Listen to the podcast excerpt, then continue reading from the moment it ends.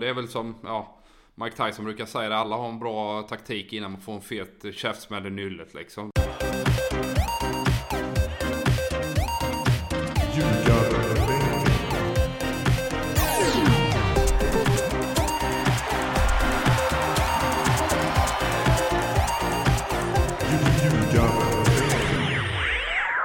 Ljugarbänken, Nordic Bets... Nor Eh, kämpigt när man precis käkat jordnötssmör.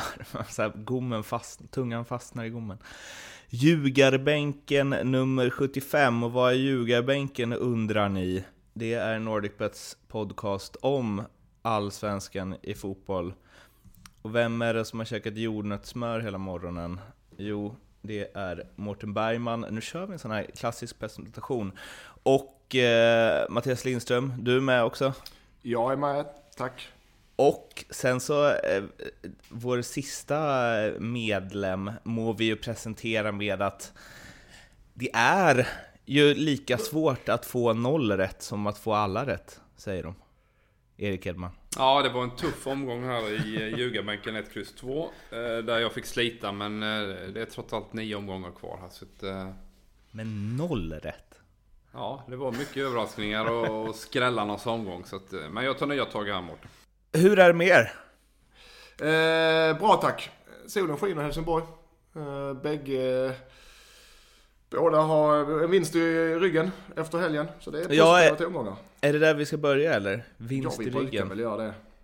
Ja, fast då brukar det ju bara vara ett lag. Nu, från och med nu är det ju två, men vi börjar väl med två är ändå vinst i premiären. Ja, eh, det var fint kan man säga. Jag vet inte riktigt, det är alltid skönt med premiärvinst. Vi mötte Utsikten. Eh, bra division 1-lag som, eh, vi vinner rättvist. Vi ligger under med 1-0 i halvlek. Ganska jämn match, ställningskrig. I andra halvlek är vi bättre och gör ett lika i 75 och 2-1 i 85. Typiskt tvååkerseger, gå och vända och vinna. Eh, där är vi starka. Så det var, och sedan på kvällen efter matchen där så hade, eller direkt efter matchen, det stod ju öl i omklädningsrummet när jag kom in. så var det inkilning för grabbarna. Och som ett brev på posten var ju halva laget sjuka den på måndagen. Klassiker. Men en jättefin, jättefin insats. Faktiskt, jag skulle vilja säga bästa matchen för året för oss. Eh, Men det var det väl första också? Ja, jo, men, Eller jaha, jo, men alltså vi har ju spelat Svenska cupen och vi har ju spelat eh, åtaliga träningsmatcher. Så så sett, eh, vår Mm, bästa insats så. så sett. Bättre, var det bättre än första halvlek mot IFK Norrköping? Ja, det, ja, det går inte att jämföra, så, men, men det tycker jag spelmässigt var det båda var bättre. Mot Norrköping kanske vi var mm, mer organiserade, men mot Utsikten spelade vi bättre fotboll. Vad hände på inkilningen då? Var det liksom sånguppträdanden och... Jag var som tur var portad. eh, För jag fick höra i efterhand lite på, så är det på omvägar, allting sipprar ut att det tränaren, eh, de gjorde parodier på tränaren. Och eftersom jag är tränare så förmodar jag att det var mig de gjorde parodier på. Och min skånska kan jag tänka mig. Finns det på film? Hoppas inte. Och får jag reda på vem det var så är det såklart att eh, Bänken. spelaren blir bänkad. Och möjligtvis läktaren, det beror på. Läktad. Ja. Eh, Men det var ju fler premiärsegrar, Erik. Ja, Eskil där jag är med och hjälper till en gång i veckan eh, vann eh, hemma mot Kristianstad. Visserligen inte på den vanliga hemmaplanen utan man fick eh, använda Olympiafältets eh, konstgräsbana där. 2-1 seger. Nu har jag varit bortrest över helgen här så E- jag har... eh, En Edman-effekt. Ja exakt, det är ju helt min förtjänst. Nej det var, det var en Men jag tänkte att du insats. reste bort. Ja exakt. Var, jag ska hålla mig borta hela säsongen. här. Ja. Men eh, är det 2-1 mot Kristianstad säger mig noll. Var det bra eller? Ja, men det är bra att börja med en seger såklart när man är nykomling. Man vet inte riktigt var man står och vill känna sig för. Det är väl alltid skönt att få vinna. Och vad jag har sett och det, det man har hört så, så var det en stabil insats. Och man vinner och nu har vi Ljungskile här nästa match. Får vi se vad som händer. Är de där nu för tiden? Det är ju... Eh, spelar, spelar de likadant fortfarande? Det kan Spelar reda på. Wålemarkbröderna fortfarande? Undrar Mårten. Exakt. Bosse Wålemark har man dammat av igen. Nej, det är väl eh, Ello Mattsson, den gamla legenden som var med och plockade upp dem för 100 000 år sedan när jag och Lindström var juniorer. Eh, och det är väl en liknande typ av fotboll, väldigt direkt och eh, in långa inkast och ja, så att det, det är tiden, tiden står still i Ljungskile så kan man säga. Ljungskile blir nog faktiskt ett topplag i ettan, skulle jag tro. Ja, det har ju spelats, eh, det har inte spelats några fler premiärer. Eh, jag måste bara fråga, när möts två Åker och Eskilsminne? Ja, I sommar, eh, skulle jag tro, i slutet av sommaren. Jag vet faktiskt inte exakt. Det är så långt i förväg. Men ja, det är ett bra tag till dess Mårten. Så det hinner Okej. ladda upp. Ja, det, Vi hinner, lägga, vi hinner lä- göra åtaliga tävlingar här på podden. För Innan dess, ja. Ja. Men det har ju spelats icke-premiärer också, ett gäng i vår kära allsvenska. Och den icke-premiäromgången som spelats är Örebro IFK Norrköping 1-1, Kalmar Elfsborg 1-0, Djurgården Trelleborg 1-1, Dalkurd Östersund 3-0, Malmö FF tog emot AIK i ett, ja, en tidig seriefinal, fast det väl var ingen seriefinal, eh, som slutade 1-1. Brommapojkarna skrällde 2-0 hemma mot Häcken och IFK Göteborg Hammarby stängde omgången igår då Bayern avgjorde på övertid och vann med 2-1 på Gamla Ullevi. IK Sirius, GIF Sundsvall inställd. Och där måste jag säga att jag inte riktigt tänkt med. Men det var en kassplan antar jag. ja, den var inte godkänd för spel. Eh, Så det var inte svårare än så. Ja, man kan se eh, de här spanjorerna i Sundsvall. Bara, Ja, det där det blir jag, ingen match. bara, vadå då? Nej, för dålig plan. Så bara, okej. där känner jag eh, eh, att jag har gjort ett felspel. För det vi hade säsongsspel, det kanske inte ni kommer ihåg. Men då hade jag Sundsvall eh, eh, klara sig kvar Allsvenskan och inget rött kort på hela året. Spanjorerna har ju, de är spelar ju tufft. Och Mm. redan första matcherna hade de, alla har ju haft varning ordentligt. Så det, där ligger ju, det är så här, alla de har haft varning, alla spanjorer. Efter fem minuter hade alla tre varning. Så att det känns som att eh, där ligger nog flera röda kort och skvalpar där. Så det är ing, om ni inte har spelat, gör inte det. det, det är så himla bra så här. Eh, Det tog ett avsnitt. Sen så tar, Ja. tar Ja, du tillbaka Ja, ett jag- jag- säsongsspel. Jag, ja, ja, jag borde tänkt på det. Spanjorerna, de är ju är riktigt eh, hårda spelare. alltså. Eh, eh, Experten har talat. Ja. Ja, ja, vi... vi eh, ja, det, är, det är bra att du varnar i efterhand i alla fall. Ja, men det- Eh, ja. Bättre sent än aldrig. Ja, fast i det här fallet stämmer ju inte det. Men Nej, i alla fall. vi vi ja. Eh, det kommer fler bra eh, tips av Mattias framöver istället. Men en atombomb som slog ner här förra veckan. Se upp för den grabbar. ja, exakt. Ja, ja men det Precis var så. kul. Eh, men eh, vi, eh, jag vet inte om vi ska börja i någon form av eh, kronologisk eh, ordning här. Nej, det gör vi inte. Vi börjar med Malmö FF AIK, ehm, som ju var den största matchen på förhand. Jag var på plats och eh, såg den och kommer väl med lite på plats-spaningar eh, eh, i slutet. Men till att börja med, min känsla efter var typ exakt samma som innan. Att det är fortfarande, man vet inte riktigt var de här lagen står jämfört med, med sig själva och jämfört med varandra. Vad är er reflektion från den här toppfighten?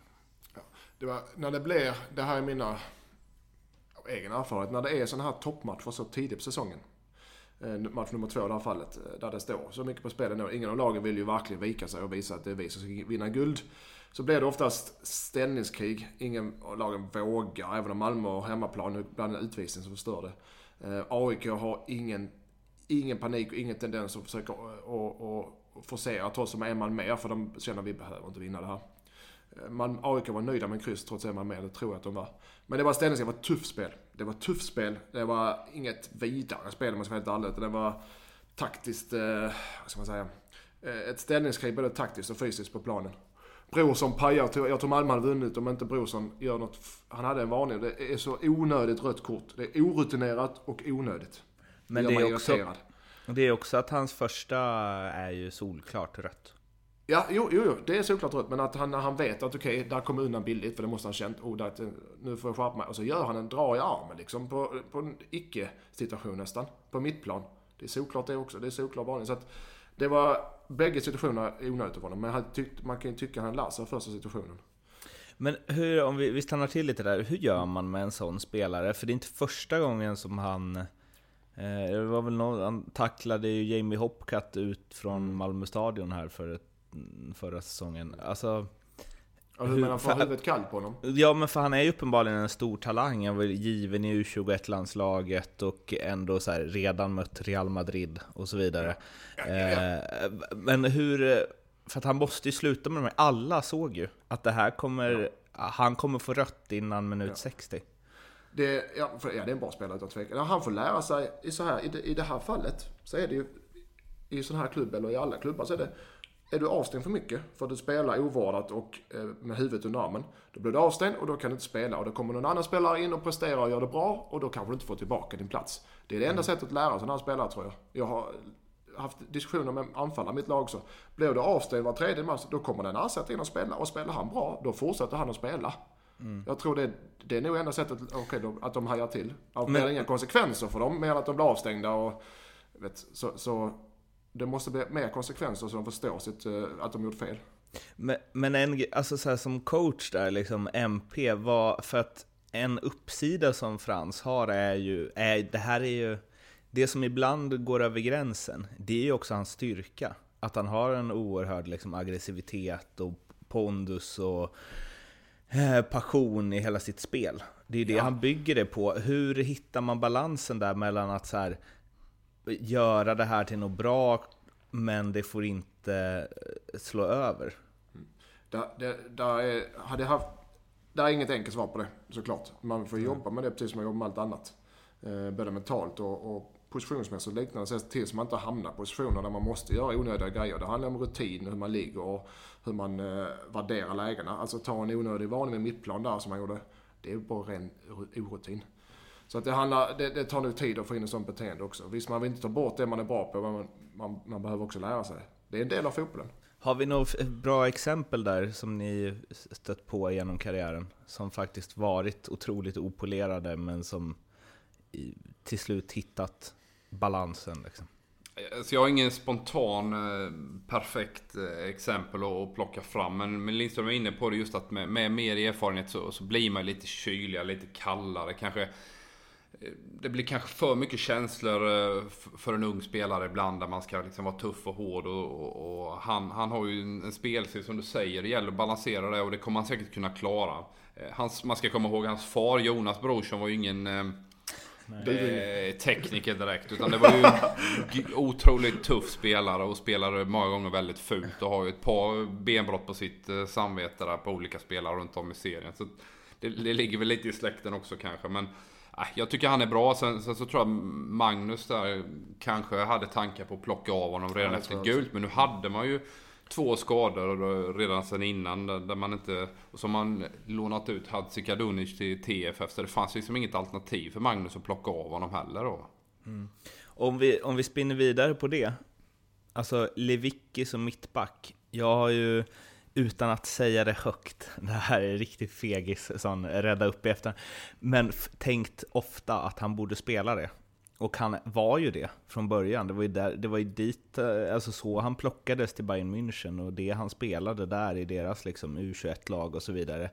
Och när man ser hans, alltså dels han vinner alla nickdueller, han är ganska snabb för att vara mittback. Han, hans fötter är ju liksom bäst i allsvenskan för att vara mittback. Och även om Bengtsson skulle komma tillbaka, vilket vi ju verkligen hoppas, får hoppas att han gör. Jag tycker det är det bästa mittbacksparet som Malmö kan matcha alltså. Nej, men jag, jag håller med dig. Han har ju, och, och framförallt då med tanke på att Malmö är topplag, de ska driva spel och så vidare, så har han ju ett högre bolltempo när han hanterar bollen än de andra mittbackarna.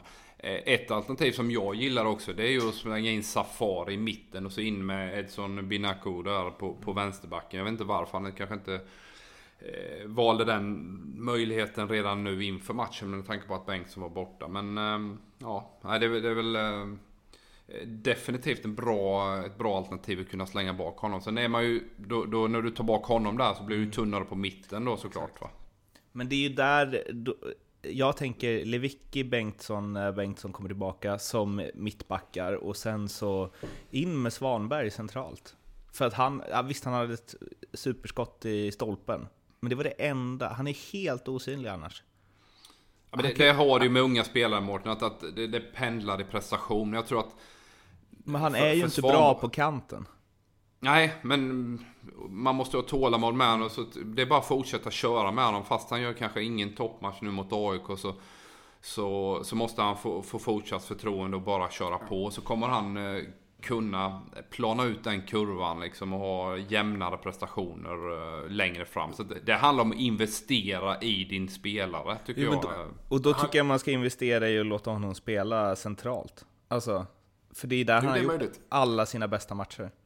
Det är möjligt. Det är möjligt. Jag är med på Erik sida att låt honom spela. Han, han gör sitt jobb och han jobbar för laget. Och han, att han inte har supermatcher varje gång, det är en sak. Men att han är helt osynlig. Alltså, han gör ingen platt match utan han gör det han ska göra utan att glänsa. Och det är väl, det är väl en styrka som ung spelare, att man inte faller igenom fullständigt. Vi, vi, vi kommer fastna ja. på den här matchen ett tag känner jag, och det är det värt, för det fanns en del grejer att plocka upp ja. nu när du sa Safari. Ja. Det, det var ju så här, hela surret innan är ju så att Safari inte är på den nivån som han en gång var, och att han kanske till och med så här spelar på gamla meriter och bla bla bla. bla.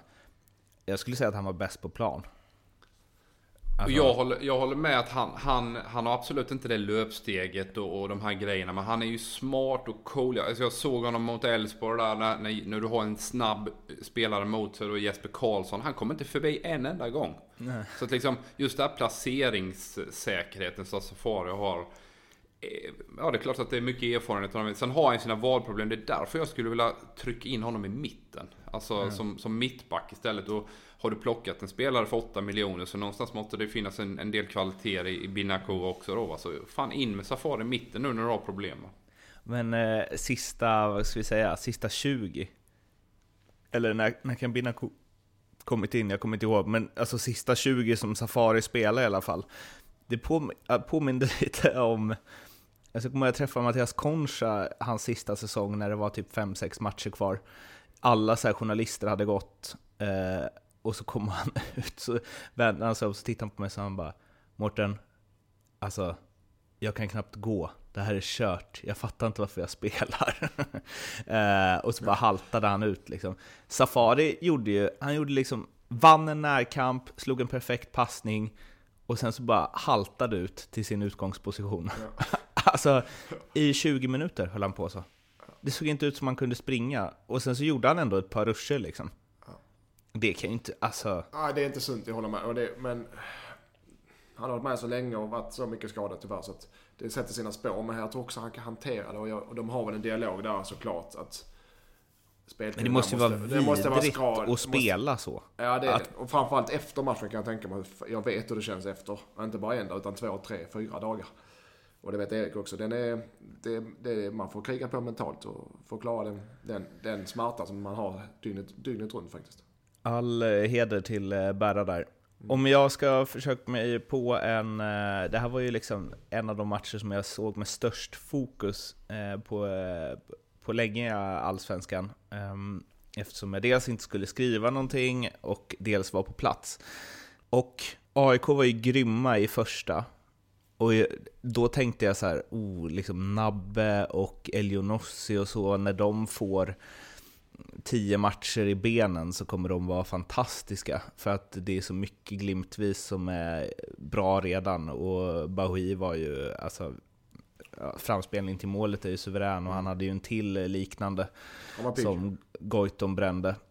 Eh, men sen så när Brorsson eh, blir utvisad så tar ju Malmö tar ju över helt. Och där någonstans, Alltså man ska inte dra för stora växlar och hej och hå av enskilda matcher och gräsmattan var dålig och allt sånt. Men det som AIK visar upp efter att Malmö blir en man mindre, det skulle jag säga så här, redan där, det är så här, signal. De kommer inte vinna guld i år.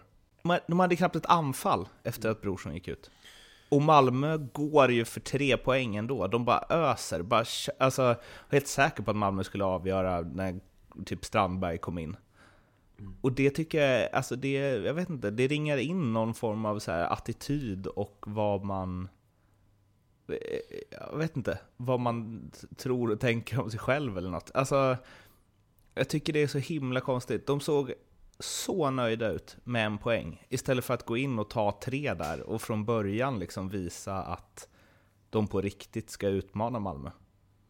Alltså, jag kanske överanalyserar det, men det ja, men det var, var, Mårten, det var, min, det var lite min känsla också. När du har en halvtimme att gå på, du är en gubbe med, så, så kändes det inte som de riktigt ville gå för att riskera. Och det, det är väl som du är inne på också, ska man vinna en serie måste du gå för att vinna matcher hela mm. tiden i stort sett. Och det, det, är klart att på förhand så var man ju nöjd med en pinne där nere. Men så som det utvecklar sig med, med en utvisning så måste man trycka hårdare och vara mer, ja, var, var modigare ska jag säga. Att, att för, för, det fanns en rädsla att liksom förlora, upplevde jag. Där var det nu, att de var rädda för att förlora. Ja, och det, och det är liksom, när den känslan tar överhanden, då är man farligt ute om man är ett topplag. Man måste fan gå för det och då, då är det okej okay att förlora lite fotbollsmatcher. Men man måste bara känna att vi gick för det hela vägen. Och framförallt då med den halvtimmen kvar, att man inte är tuffare i sin forcering. Sen ska man ju hylla Malmö på ett sätt att de vågade spela sig ur situationen och tog udden av den, den pressen som någonstans ändå man försökte såklart. Va? Mm. Mm. Nu, lä nu, lägger jag in ett sånt här eh, ett tränarcitat igen då. Vinnaren och vinna måste vara större än rädslan att förlora. Glöm aldrig det.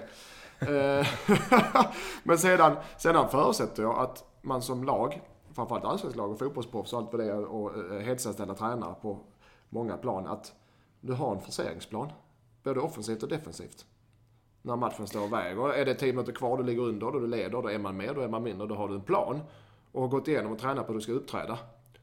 Men det kan, jag hoppas att AIK hade, men det såg inte ut som det. Får de en man utvisad så vet jag, okej, okay, då, då sätter jag mig där och där och där och så forcerar vi, har vi den fasen vi forcerar. Det tar jag från en, en, en självklar fråga, eller en självklar uppgift för alla professionella lag. Och sen så vet jag inte om det var Rosenberg eller vem det var som sa efter att det var nästan som att de firade. AIK-spelarna, det vet ja. jag inte om jag ja, höll med om så. Men det de signalerade var ju att de var, alltså med spelet, sista halvtimmen var ju att de var otroligt nöjda med den här poängen. Och det tänker jag, det är liksom inte bara att, jag menar, att ställa om och slipa bort det sen när de kommer ha så här 1-1 borta mot Örebro. Ja, där har du helt jävla rätt Mårten Bergman. Tack.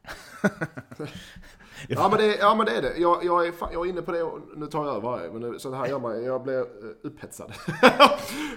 Där du bygger vinnarkultur. Det är på det, eh, du, du måste börja bygga någonstans. Alltså, se till att vilja vinna matcherna för fan. Det här sätter sig. Att de är halvnöjda och åker hem och sitter där på flygresan. Okej, okay, vi vinner nästa hemmamatch så vi leder vi allsvenskan ungefär. Mm. Så jag, det tänker får aldrig slå sig in bland spelarna. Mm. Aldrig. Och tränaren får aldrig visa det heller. Ja, det, och det, ja. och, och framförallt som att det så många gånger har lett till att AIK inte vinner den där hemmamatchen. Som Exakt. de ja, det, blir, tror att de ska vinna. Liksom. Det blir en effekt av det. Uh, så den här matchen gjorde mig oerhört övertygad om att Malmö FF kommer vinna SM-guld i år. Även om jag här, inte riktigt vet var de står så kände jag direkt att det, det finns något mer där än i AIK. Och jag tänker att det är de två det kommer stå mellan.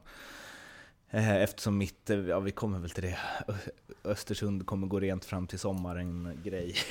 Jag får väl backa från det, det kanske. Men jag har en grej till från eh, Malmö AIK. Gräsmattan var ju inte bra. Det studsade rätt mycket. Och ja, det var väl egentligen bara Bachirou som hade en... Alltså hans touch och bollmottagning var ju skillnad på spelare och spelare kan man väl säga. Eh, han bara flöt runt där och var, det spelar ingen roll om han fick dem i knähöjd. Liksom. var bara perfekt hela tiden. Eh, men hur mycket, alltså... Vad ska man säga? Det, ja, det påverkar båda lagen och bla bla bla. Men hur mycket måste man väga in att gräsmattan var så dålig när man bedömer hur bra de här två lagen är? Alltså, kan det ena påverkas mer än det andra av att inte kunna rulla längs marken på samma sätt och så? Alltså, förstår ni? I, i när ni så här, hur bra är MFF och AIK? Hur mycket ska man räkna in gräsmattans kvalitet i det när man gör det utifrån den här matchen?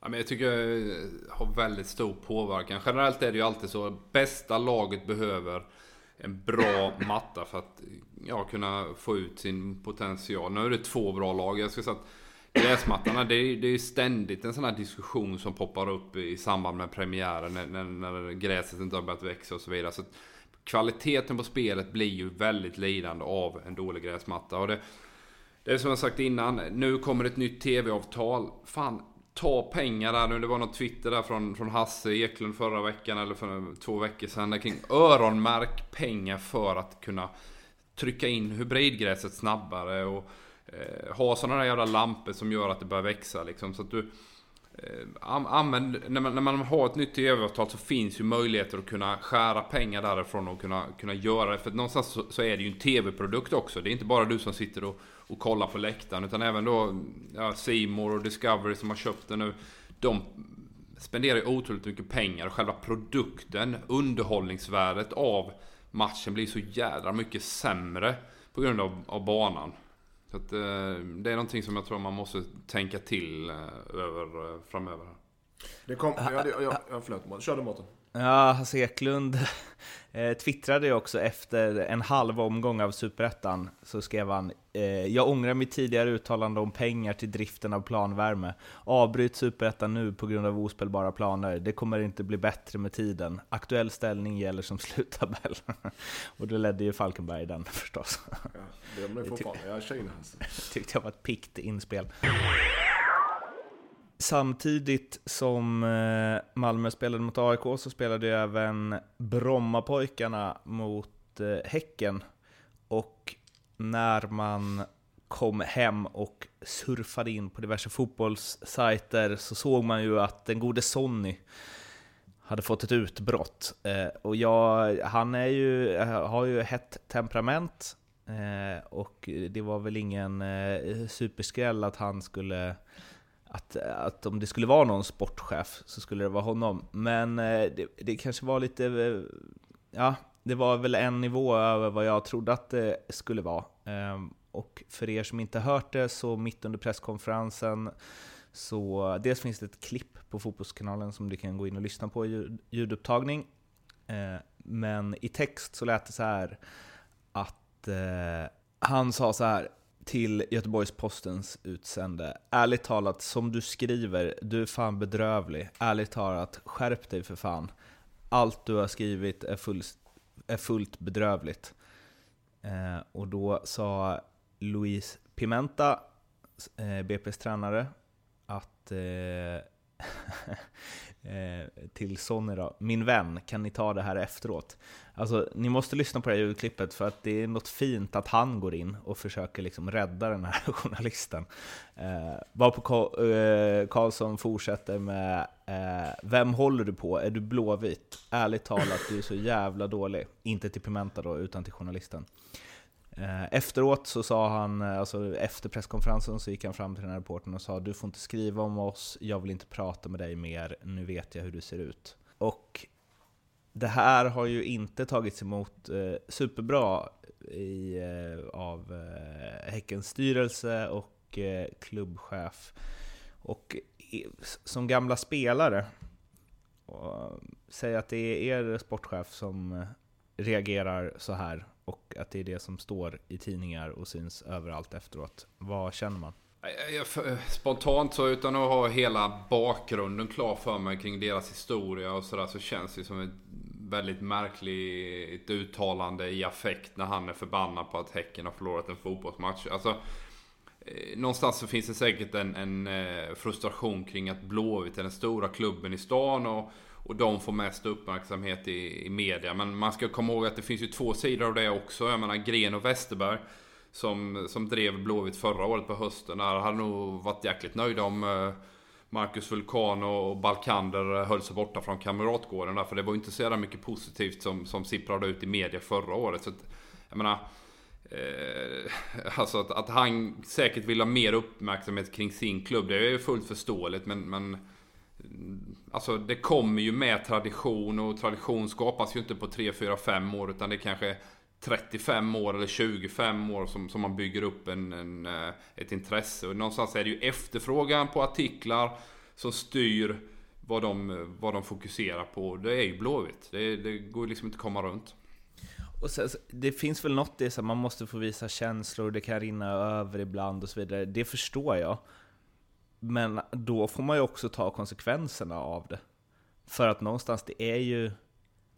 Nu är jag så långt från att vara stor, styrelseordförande i en allsvensk klubb det bara går. Men det är, ger ju ett pajigt intryck.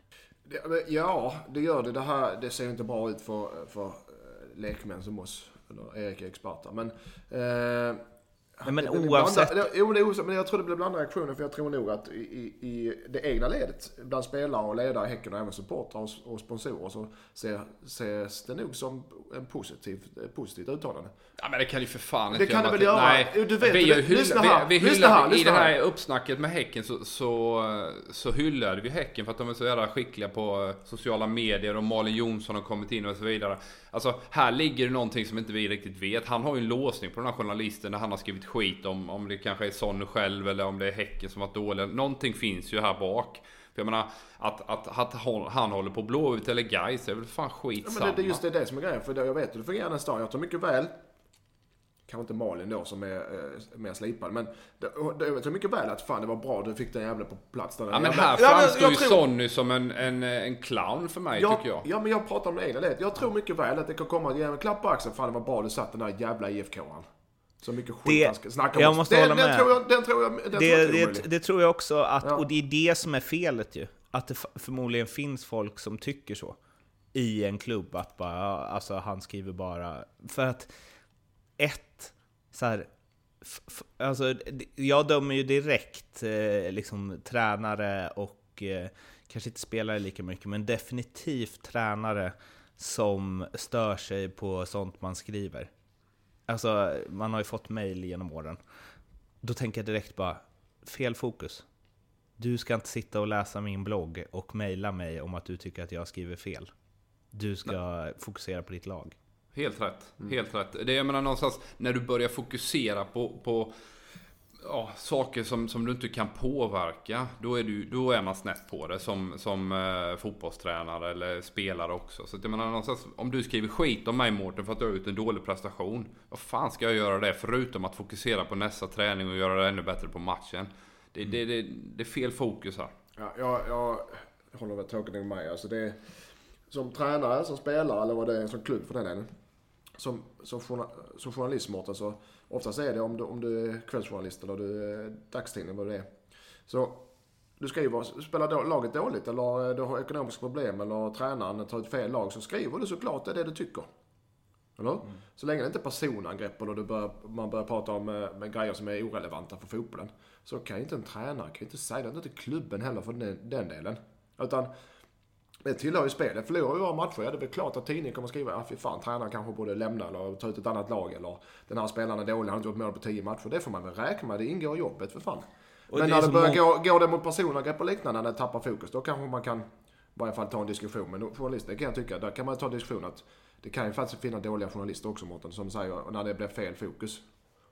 Och, och det är någonstans, det är många inom fotboll som är så himla pigga på att påpeka att journalister inte har koll och så.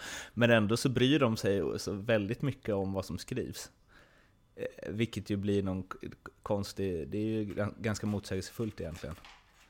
Eh, Och jag har svårt att se, alltså nu kan jag inte så mycket om den journalistiken, men att så här, jag har svårt att se att politiker sitter och bara oh, nu skrev den här Expressen-journalisten det här om mig. Han är nog, han är så jävla tydligt att han, han är liksom miljöpartist och det är därför han skriver så här. Alltså det, det, det kan ju aldrig hända. Det händer Alltså- säkert. Att, jo, men det, det, jag tror säkert de analyserar det de har sagt eh, och det som då skrivs om det de har sagt. Va? Men, de kommer aldrig ringa upp eller mejla. Nej, bara, men "Du, det enda gången du kan vinna över en journalist är ju när du levererar på planen. Det är ju det jag ska komma till. Alltså, det är det enda gången jag kan trycka till dig. Det är när jag själv har täckning för min prestation ute på banan. Det är då jag kan vinna över dig Mårten. Annars kan jag aldrig vinna. Och varför ska jag då lägga en jävla massa energi på dig? Utan det, det handlar ju bara om fokus på rätt grejer. Ja, vi hade den här diskussionen, jag och Erik, med eh, Kristoffer Andersson, HF-assisterande, som tyckte eller, eh, att HD, eh, Helsingborgs Dagblad, här var lite kritiska mot HF. Och vi, med, med all rätt. Alltså, för, och det var 2017 när de kom på vilken plats? Sjua. Sjua med den budgeten. Det är klart de blev kritiserade. Något annat vore ju dålig ekonomi och allting. Något annat vore ju tjänstefel på tidningarna. Men däremot så är Erik som han är inne på, ja men då visar man det på planen som HF kommer göra i år. Då kommer det myntet vara på andra sidan. Det kommer bli hyllningar med all rätt då. Man får ju, eh, fotbollsmässigt blir man bedömd, inte på något annat. Och sen så ska jag säga att eh, generellt sett tycker jag lokaltidningar är jävligt klena mot eh, respektive klubb. Eh, för att jag tycker ofta att det finns en touch av svenska fans-känsla där alltså. Men de lever av varandra, de lever av varandra också. ja precis, det är ju som Mattias säger, de, de är beroende av varandra. Och sen är det ju så här, det är ju väldigt svårt att kritisera någon som du ska träffa eh, en eller två gånger i veckan och se nyllet. Det är det som är mycket... Alltså det är ju lättare att slänga skit på en engelsk tränare som man tycker är kass eller Premier League-spelare som är dålig. Ja, men jag behöver ju aldrig konfronteras med den här personen. Men det är ju det att en lokaltidning ska ju liksom träffa tränare. Har man då kritiserat han i veckan så blir det samtalet något stelare kan man ju tänka sig.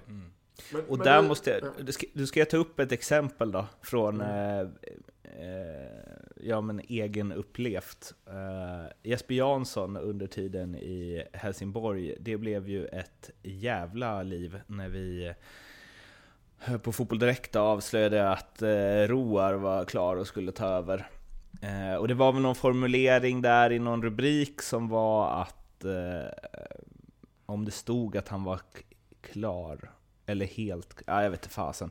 Men att så här, eh, uppgifterna vi hade var eh, 110-procentiga, att det var muntligt överens och även om det inte var något underskrivet eller så, så var det, så var det klart. Um, och det visade sig ju också stämma, det blev ju så efteråt. Men då var det så här, vi fick inte ha eh, Helsingborgs klubblogga på sajten och ingen från Eh, ledarhåll i HF, spelarna eh, sket ju vilket, men från ledarhåll fick inte prata med oss och bla bla bla. Och eh, jag tror att det var väl hela fotbollssverige höll jag på att säga, var väl på vår sida där. Och eh, det skrevs ganska mycket i media om det här som så här att man kan inte du kan liksom inte, bara för att media skriver något som du inte tycker är okej eller inte tycker stämmer så kan du inte förbjuda dem från att skriva om dig. Om vi nu ska koppla det någonstans till eh, ja, men det här du sa, att sen träffa eh, Ja, men att, sen, att, sen, att man liksom, det är svårare som lokaltidning för att man sen ska ner dagen efter och intervjua den personen eller ska ha en god relation i alla fall. Där måste jag ju säga kring eh, Jesper Jansson då, att hur lackar vi än var på varann eh, då och hur mycket vi än tyckte olika om den här grejen. Så, jag vet inte. Det, det är en av dem som jag har bäst relation med, av, som jobbar inom Allsvenskan liksom. Så att det var alltså det blev ju Visst att han på något sätt, eh, och jag tycker att han klantade sig jättemycket där, och jag tror att han eh, tog eh, lärdom av det också. Att det går liksom inte- du kan aldrig vinna mot media på det sättet. Men det ledde någonstans till att ja, men han har behandlat i alla fall mig väldigt respektfullt efter det. Ja, nej, man ska komma ihåg Jesper och Sonny och de här, det är ju känslomänniskor också. Det är klart att det är, när man är förbannad i affekt så, så, så kan man säga någonting och tycka. Jag har ju själv haft otroligt många diskussioner med Jeppe där vi inte varit överens. Jag vet någon gång han satt och skällde på mig i typ två och en halv timme när vi körde runt min bil och han var helt tokig. Nu så har det runnit lite vatten under bron och vi har en bättre relation igen här liksom. Så att, det är ju så, man går igenom saker, man är oense och, och det är väl samma här liksom. Sonny kommer väl landa in i detta också efter ett tag och analysera att fan det kanske inte var så jävla smart gjort av mig. Och så får han göra en pudel helt enkelt och be om ursäkt. För att, eh, och det måste man ju kanske också som journalist ha respekt för. att det är, ju, det är ju deras jobb, det är ju det de lever på och riskerar också sin yrkesroll när, man, när det går sportsligt lite sämre. Så att, mm, ni som journalister behöver kanske ha en förståelse för det. Sen ska man inte acceptera det, absolut inte. Nej, och det är väl det, det, är det, jag, det är det jag kan sakna här. För i Helsingborg, alltså i Jespers fall så var det ändå så här att, ja okej, det var en överreaktion. Alltså det var ändå någon form av ur- ursäkt. Sonny har ju snarare kablat ut att han inte tänker be om ursäkt. Och det är där någonstans, det spelar ingen roll om han har, fast han har ju inte rätt. Men det, om den här journalisten nu hade bara skrivit så mycket skit om Häcken och bara hyllat Blåvitt hela tiden, vilket gör svårt att tänka mig i fallet, och av det jag läst som Sonny blev lack på så är det bara så här: what? Det är inget konstigt alls. Men eh, utifrån det så är det ändå så här, det Sonny gör där, inför liksom alla den här journalistens kollegor mitt på en presskonferens. Uh, nu är det inte barn vi snackar om, men det är ju som att så här, skälla, alltså det är samma grej som att så här, skälla ut, att en lärare skäller ut ett barn inför hela klassen. Alltså, så jävla oskönt. Och, och då är det så här, visst man kanske ska ha förståelse för att det händer, men då får fan Sonny också, gå, oavsett om det är och, och liksom, i ett pressmeddelande eller åtminstone direkt till den här journalisten säga liksom, mm, jag tycker så här, men sorry, det var inte meningen att liksom ranta det inför eh, hela fotbollsjournalist-Sverige. Ja, men det var väl, det, det, det är ju stridens hetta, antagligen från början i stridens hetta efter förlusten där och det. Eh, och, och, och han har säkert kanske tänker om att ja, det kanske inte var taktiskt smidigt att ta det inför alla och eh, få utbrott så i direktsändning. Men, men och ångrar säkert det. Men sen är väl Sonny så pass envis kanske att han kommer inte krypa till korset där. Eh, även om man kan fel. Eh, han tycker lika som du sa, han tycker det, men det var nog fel upplägg.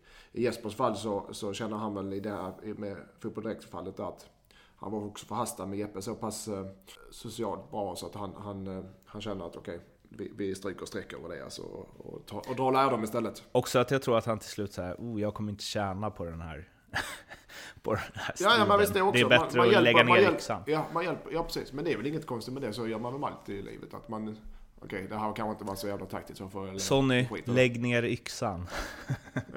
blir budskapet. Uh, om vi snabbt ska avhandla den matchen då. Kände det på mig, så vågade jag inte tippa emot uh, de gamla fotbollsproffsen, utan jag tippade också på Häcken. Det var ju... Mm, typisk, eh, jag vet inte. Nej men det, det är ju just den här typen av matcher som, som Häcken måste vinna om man ska vara topplag. Jag menar, de kan inte skylla på underlag och, och någonting. Men, sorry, men, men då är man inte tillräckligt bra om man vill vara eh, ett lag som fightas om Europa. Den här matchen måste man vinna. Mm. End of story. Mm. Och, nej jag ska inte go there. Men, eh, eh det var ju såna här matcher AIK förlorade under många år. Mm. Ju. När så här, de, det här ska de bara stöka av. Mm. Det var ju, och sen så bara tre torsk. Bara Kalmar, Örebro, Halmstad. Så, mm. guldet borta. Mm. Alltså, nu kom det redan i omgång två, men äh, ja. Jag, Två utvisningar också ska sägas. Jo, men jag tänker att det säger att 2-0 till BP mot Häcken säger mycket mer om att Häcken inte kommer räcka till än att BP är så himla bra. Ja, ja väl. tyvärr gör det väl det. Vad sa du? Ja tyvärr. Jag tror, ja. jag, trodde, jag tror fortfarande på Häcken. Eh, inte lika mycket Om längre. ni har spelat på det så... så stryk den för fan. Ja, men vi går vidare, ja, men vi går vidare då till eh, nästa match. Det gör vi. Dalkurd eh, Östersund och eh, om, vi, eh, om du är dålig på att tippa Mattias Lindström så mm. får väl jag ändå gå först i ledet här.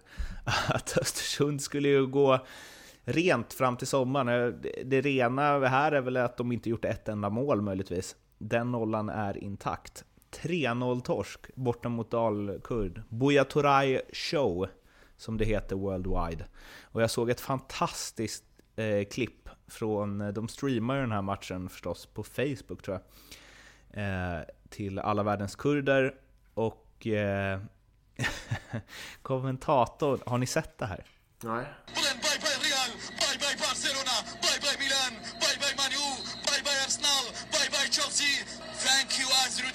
Thank you Ramazan Kızıl. Thank you Ravesh. Thank you Revan. Thank you Ferhat. Thank you Keba. Thank you Simon Strand. Thank you Sogeta. Yani thank you Oliver Berg. Thank you Muhammad Boba Toray. Thank you of all Dalkurd FF Club. är den bästa kommentatorsinsats jag hört, tror jag. Eh, och säger också något om att så här, uff, om Dalkurd växlar upp här, så den här Champions League-grejen kanske inte är helt omöjlig framöver. Eh, rätt, rätt. Och det fick mig att... lära dig. Vad sa du? Ja, där kan Erik, eh, ja, Silverexperten, lära sig hur man ska kommentera en match. ser fram emot det. Uh, men uh, skräll förstås. Och typ sam och sen samma som, alltså ändå inte. Eller så här, är det någon match de vinner i år, Dalkurd, så är det ju hemmapremiären mot Östersund. Eller? Jo, så, så, Dalkurds fall så är det såklart en drömmatch för dem att vara taggade. Och, med, och helt plötsligt är det Östersund är ju ett lag som alla vill möta och alla vill slå. Det som oroar mig, att Dalkurd gör det bra, det, det, det, det var kanske väntat. Men att Östersund är så jävla svaga. Eh, det var så jag och Erik pratade innan om att Östersund har gjort bra matcher innan. Men förlorat målsnöret. Nu är de inte nära. De är inte nära någonstans. Eh, och det är det som är oroväckande. Alltså, de har inte blivit sämre fotbollsspelare från Arsenal-matchen till eh, Dalkurd-matchen på några veckor. Det fungerar inte så, utan det är mentalt. Eh, du har en inställningsfråga. Du har en, ett par procent där du går ner där både i jobb och teknik och touch och allt det där. Och det räcker mot Dalkurd som kanske ligger ett par procent över sin normala kapacitet. Då blir det sådana här matcher. Så stor skillnad. Så bra är inte fotbollsspelarna så att de går in och ställer skorna på banan mot en nykomling. Inte i Allsvenskan. Aldrig någonsin har det hänt ett lag att motivation slår alltid klass. Eller, det är det som, det är det, det, kontentan är ju det. Där har du kontentan på riktigt här. Motivation slår klass. Ja, men när man ser matchen så, så, tycker jag man saknar en lite ödmjukhet hos Östersund här. Utan här, här känns det som att ja, vi ska eh, knacka runt dem och lira. Och man har mycket boll, man har mer bollen än Dalkurd här också. Men hemjobb och sånt som vi har hyllat dem till skyarna innan för att man, man tar över varandras roller. Här tyckte jag det fanns en frustration och mättnad nästan i deras eh, uppträdande. Så att, eh, eh, ja, känslan är att eh, här har man en ny situation och det är väl som, ja, Mike Tyson brukar säga det, alla har en bra taktik innan man får en fet käftsmäll i nyllet liksom. Då helt plötsligt blir man överrumplad nu av, av ett lag som faktiskt eh, själva kan spela boll och någonting som de, de många lag har bara lagt sig på rygg och inte velat anfalla med speciellt mycket folk. Eh, Dalkurd är rätt skickliga på att spela sig ur situationer och där är inte Östersund alls på tårna och, och göra det här jobbet som, eh, som behövs. Och, eh, ja, en, en ny utmaning för Potter så tror jag att han kan klara det för att han är skicklig på många saker och jag tror även i motgång han, han förstår att, att detta är en naturlig del i en process, eh, i deras utvecklings utvecklingsprocess. Det har varit framgång, framgång, framgång. Nu, nu kommer en tuff, eh, tuff eh, ny utmaning här. Eh, ett fräscht med Mike Tyson-citat. Hade jag inte hört förut. Ska jag ja, ja, det, nu, skulle du säga, nu skulle du säga, han blev så glad, han sträckte på sig. Mike Tyson till Erik Gremans idol. Nej, det är det Men jag tycker det är rätt så... Tatueringen där framförallt. Men, och jag kan tänka mig att det är många, det här är bara liksom på uppstuds nu, men jag kan tänka mig att många lag som bara oh, Östersund, de spelar så bra, det har vi läst i tidningarna, det såg vi mot Arsenal, dadadadad, som bara från början att det mentala där är lite så här, oh, vi backar hem. Medan Dalkurd känns ju som ett, eh, hela mentaliteten kring den klubben är ju så här, okej, okay, ni slog Arsenal, men nu ska ni fan få se på andra bullar. Mm. Alltså, ja, exakt, exakt den känslan fick jag också. Ser man internationell Mårten så är det ju liksom de här stora lagen som, som, som har mycket boll. Real och Barca och City också. Är det någonting de inte tycker om, det är när de måste försvara. Så har du en off, egen offensiv kvalitet och kan hålla lite boll så kan du också frustrera dem där och skapa eh, lägen. Och det gjorde Dalkurd, tycker jag, jäkligt smart. De, de eh, Buya Turay var bra, men det var fler med honom som, som var väldigt skickliga och, och kunna liksom spela sig ur situationer. Och då hade de jätteproblem med Östersund i, i omställningar defensivt. Men eh, Erik, du sa ju Kalmar-matchen där i kuppen så sa du ju att Östersund fick Kalmar att se ut som ett division 3-lag och att de var så sjukt överlägsna och Sveriges bästa lag och så vidare.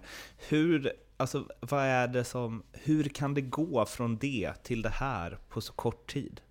Men det här var en, en enskild dål, riktigt dålig insats av Östersund. Jag tycker i, i, i cupsemin mot Malmö är de bättre och förtjänar att vinna. Malmö vinner med 1-0. Eh, I matchen mot Djurgården så styr de och ställer. De åker på en hörna där Danielsson gör 1-0 och sen så försvarar sig Djurgården jättebra. Så jag tycker de två prestationerna är fortsatt väldigt bra av Östersund. Och de visar att de är ett riktigt, riktigt bra lag. Det här var ett riktigt bottennapp.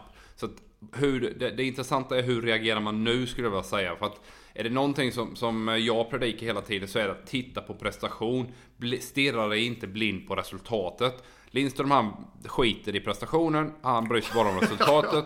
Jag är precis tvärtom. Och det tror jag Potter är smart nog att förstå att vi har gjort två bra prestationer mot Malmö och Djurgården. Vi kanske inte skapade jättemycket målchans mot Djurgården, men vi styr spelet och, och dominerar matchen.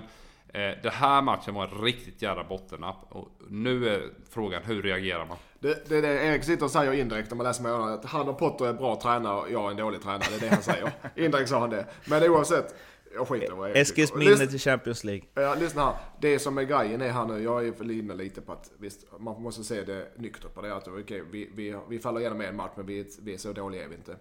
Däremot så tror jag att IFK Göteborg är inte nöjda med det här resultatet. För det är de, Östersund har IFK hemma nästa match. För det är Göteborg som kommer bli straffade för här, den här skitmatchen över Östersund ju. Så att, det kan bli en 7-0. resa som heter duga på, på, i helgen där alltså. Ja, eh, det där är... ehm, Det där är också jävligt intressant för att, eh, på tal om media då, det är kul att du gör samma sak Lidström. För att, alltså, hade Östersund vunnit den här, då hade alla bara oh, Östersund är starka, IFK Göteborg får det svårt, och förlorar man, då bara IFK Göteborg får det svårt, Östersund är revanschsugna. Alltså helt vad man vill vinkla på ju. Det går Ja, ju att hitta. och, ja, och det är väl halv, och just nu sitter vi i dubbla stolar, jag och Erik. Vi kan ju säga vad vi vill här, för vi är både tränar och, låtsasjournalister. Så vi kan bara säga vad fan vi vill här ju. Djurgården hyllade vi i förra avsnittet med all rätt. Många som gjorde det och eh, ja, på tal om plumpar i protokollet. Jag tänkte ju att det skulle vara eh, kanske den eh, säkraste segern i den här omgången och det tänkte många för det var inte en enda på 1, X, 2 eh, Ljugarbänken 1, X, 2 som hade kryss i den här. Det var en, som, en person som hade en tvåa. Eh, annars var det bara ettor rakt igenom. Men Djurgården, och det är väl, om det är funnits några farhågor kring det här Djurgårdslaget så är det ju att de kanske tappat i offensiven med Källström, eh, Magnus Eriksson etc. borta. Och det här blev väl eh, kanske lite huvudbry för Örskan. De klarade helt enkelt inte av att, eh, ja, men att föra matchen på det sättet de ville mot Trelleborg.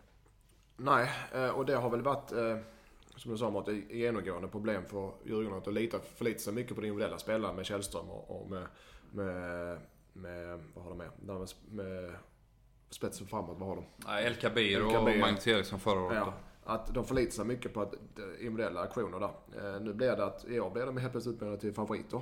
Eller helt plötsligt, de har gjort det jättebra. Och det betyder att många matcher ska de föra. Leda spelet, inte ligga på omställningar, inte ligga och hoppas på att någon blixtrar till. Utan nu ska de föra matcherna. Framförallt mot nykomlingar hemma och det, där är de inte. Där är de inte just nu. Saknar ni en sån värvning då? Eller, är det, eller kommer de här spelarna växa in i det? Eller hade man behövt en... Ja, Men du har ju din eh, kedjerökande Georgier där som du vill hylla till skyarna från MLS. Som inte riktigt är i matchform ännu då. Så får vi se om han kan eh, växla upp här eh, framöver. Kanske redan till nästa omgång. För det jag tänker är att de ska ha att de, alltså en kreativ central. Magnus Eriksson sökte sig mycket inåt från kanten och så. Att det, om det är där det finns en lucka, eller vem som ska ha den rollen i Djurgården i år.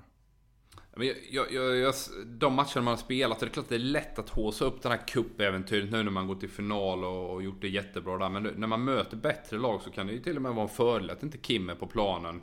Eh, för att man har hårt jobbande enhet istället. Va? Men det är klart att i den här typen av matcher mot, mot bottenlag, nykomling som Trelleborg, då har du ju ett behov av mer kreativa spelare. Framförallt då i dina centrala positioner med passningsspelet som Kim står för, eller stod för då såklart när han har slutat.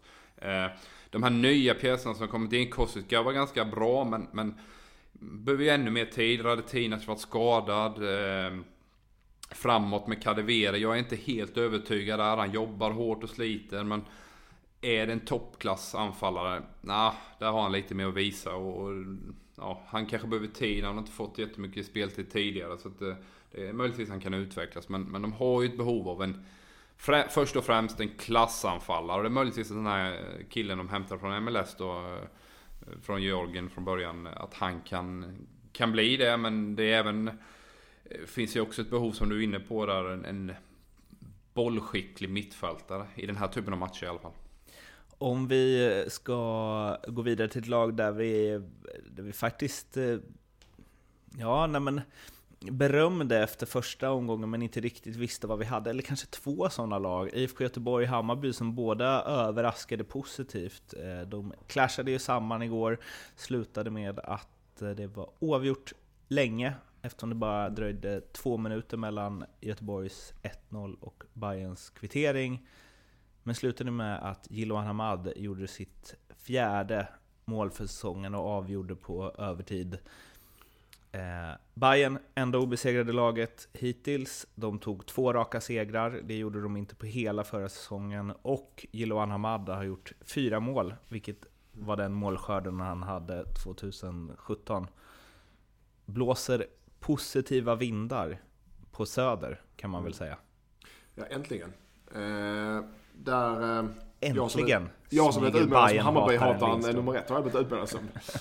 eh, tvärtom är det. Men man, man får vad man förtjänar helt enkelt. Och, och i det här fallet så... Ja, för det första var matchen också en väldigt ojämn match. Eh, många... Ingen... Som neutral åskådare var det ingen bra fotbollsmatch. Men oavsett så Hammarby visar, vi var inne på redan förra gången att mot Sirius när de får en, en, en straffsituation i slutet av första halvlek och avgör matchen där. Eller första matchen i premiären. Hur viktigt det är. Och eh, Sirius var man utvisad. Och även det här övertidsmålet mot IFK Göteborg, ett jäkla skitmål egentligen. Eh, som studsar hit och dit. Och, men går i mål på övertid och de vinner matchen. Och de tar den här trean och leder allsvenskan. Utan att övertyga egentligen. Det är så jävla viktigt för ett lag för vinnarkulturen, för självförtroendet, för att våga spela ut. Nu kan Hammarby, nu har de ingen press på sig. För första gången på väldigt länge, nu kan de spela ut och då har de kvaliteter. Det är så otroligt viktigt att få en arbetsro i ett sånt lag som Hammarby tror jag. Både för sponsorerna, eller för eh, supportarna och för spelarna och för tränarna. Ska, ska man säga att det är det lag... Tror, om jag ska vara helt ärlig Mårten, så tror jag att Hammarby, den här matchen mot Göteborg är inget vidare spelmässigt. Men det, kan, det kommer vara mycket bättre spelmässigt för att nu, har de, nu kan de slappna av. Okej, det gör inte vi förlorar en match. Så ska man inte tänka, men det, det, det, är det, som, det är det som sätter sig. Kanske det, så, ja. det av alla lag som det var viktigast för att det fick en sån här start. Ja men båda de lagen har ju känts ja. Eh, svajiga får ja. man ju säga liksom. Jag tyckte Blåvitt så väldigt fina ut mot Trelleborg där på en, på en dålig plan. Men eh, Tobbe Hysén var rätt eh, balanserad och ja, i efter-intervjun också att vi, nu gör vi en bra match idag mot Trelleborg men vi kommer ha våra eh, ja, ups and downs under hela säsongen. Och, Sen blev han bänkad efter Ja, den var ju också väldigt märklig kan jag tycka. För att han gjorde en riktigt bra match mot Trelleborg. Eh, så så att, eh, den kändes väldigt skum. Jag kan känna säkert att, att det finns matcher där han behöver sitta på bänken och inte spela på start. Men, men inte, hemma mot Hammarby. Nej. Det kändes väldigt märkligt. Då är det större, större, alltså jag kan tycka det är mer eh, befogat kanske mot Östersund där nu till helgen att han får sitta och kommer in en halvtimme på slutet. Va? Men, men, eh, men denna matchen borde han spela. Det är ju lätt att säga med fast i hand men... Eh, jo men det sänder ja. signalvärde också att sätta in Mr Göteborg som det ändå är i hemmapremiären. Och han, vi vet ju hur, hur Tobbe är i sådana här matcher då kan han, kan han vara ledande på planen. Och ordentligt taggad. Så det är jag också väldigt konstigt beslut. Om det inte ligger något bak, annat bakom en träningsvecka som vi inte vet om. Han verkade inte helt nöjd med det heller. Nej, nej det får jag hoppas. Alltså vad han utstrålade. De gjorde nej, en jämförelse där mellan honom och Padibba. Att Padibba liksom hängde runt och skrattade och såg glad ut. Medan Tobbe var väl lite mer lågmäld. Mm. Mm. Tycker också att det Men visst, man får ta det på rätt sätt. Det är, det är inget annat att göra. Säger väl också någonting om att han fortfarande brinner. Tobbe och Sonny. Ja. De brinner båda två. Vi ska ringa Leo. Pold ja. Neurath. Leo. Hallå? Hallå? Leo? Leo? Ja, hallå, hör ni mig nu? Nu hör hallå, vi dig. Hallå. Det här ljudet som var så jävla bra förra veckan, det är totalt... Eh, så ni som vill ha bra eh, ljud får lyssna ryska på förra vintertunnan som går, drar vintervindarna som drar in över Malta. Ja, jag vet inte vad det är, men ja, ja. Så här får vi köra istället. Hur ja, det, ja, det är väl inga jätteglada miner från någon av oss här, eller? Vadå? Jag menar, du tänker på våra, våra spel? Etta. Inget man skriver hem om Etta. Eh, till morsan direkt, eller? Du får gärna ta en uh, update så att våra lyssnare vet hur dåliga vi är, Leopold. Framförallt Erik Edmans uh, rad denna vecka. Ja, Edman alltså. Det där var... Men, men ja. Leo, Leo, Leo.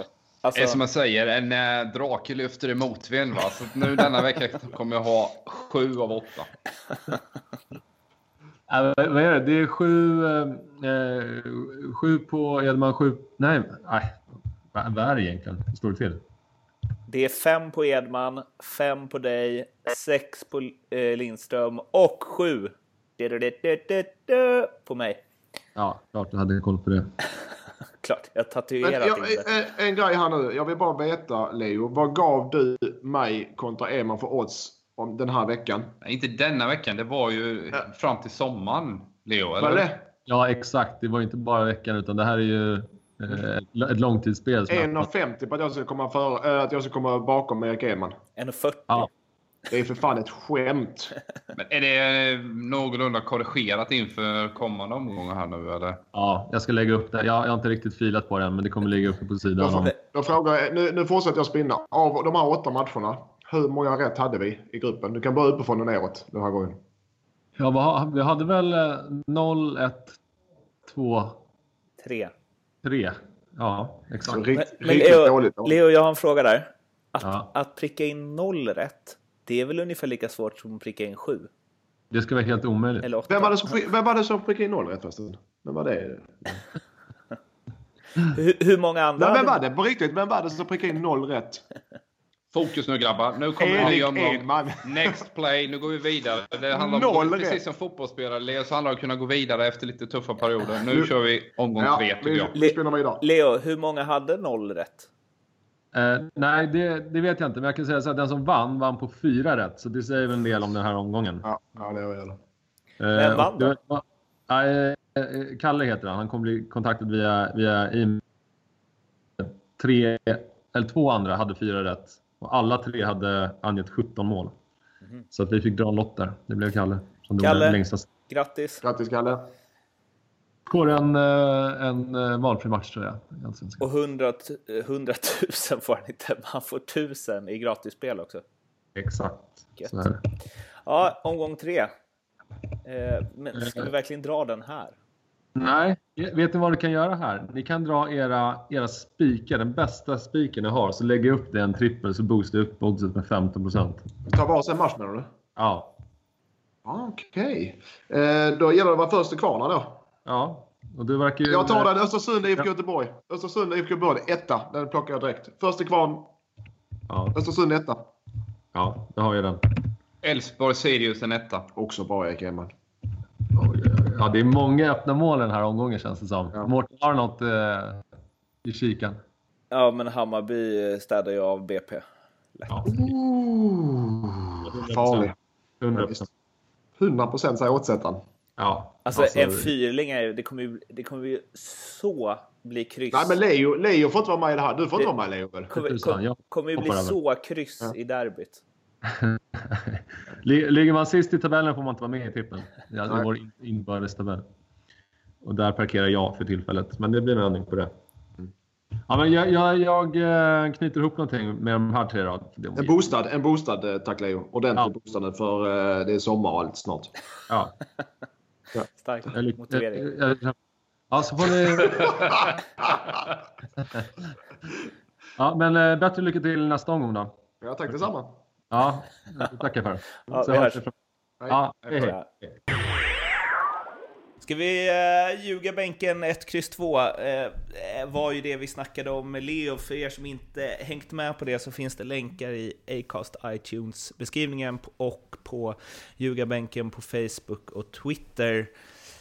Um, så in där och uh, haka på. Man tippar varje omgång och uh, har chans att vinna fina priser. Och om man dessutom lägger ett spel värt 100 spänn på ett odds som är 1,50 eller högre samtidigt som man är med på ljugarbänken 1x2 så har man chans till att vinna jackpoten på 25 000 spänn. Vilket ju vanns redan i första omgången. Eh, så ehm, in där och kika helt enkelt. Nu ska vi dra vad vi tänker oss i omgång tre och vi tar match för match och börjar uppifrån. Erik börjar, sen Lindström, sen jag. Och match 1 i omgång 3, Sundsvall-Malmö. MFF ställer av eh, Giffarna. Tvåa. Tvåa. Tvåa. Trelleborg, Örebro. Ett kryss. Etta. Oj, jag gör ju alltid det här i liksom realtid, så kryss här med. Elfsborg, Sirius.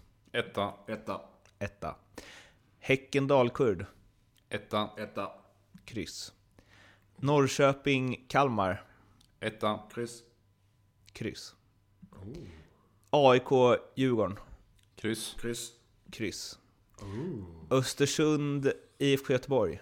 Etta. Etta. Etta. Hammarby, BP. Etta. Etta. Etta. Och antal mål i omgång tre. Här anpassar Sex. jag mig alltid efter er. 16 Sex. blir det. 17 säger jag. Och jag säger ju då 18 och 16, 15 Tråkiga vi säger jag. Men det är också taktiskt. Eh, så ser våra rader ut.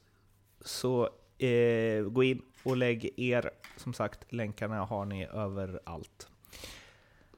Det var det för den här veckan. Såvida inte herrarna i, eh, vad kallar man den i Helsingborg? Solens Sundets- stad? Sundets pärla. Sundets pärla. Okej. eh, har något mer att tillägga? Nej. Nej. Så in på Facebook, Twitter, hör av er till oss. Så eh, hörs vi igen om en vecka helt enkelt. Och tills dess får ni ha det så bra. Hej! Hej då.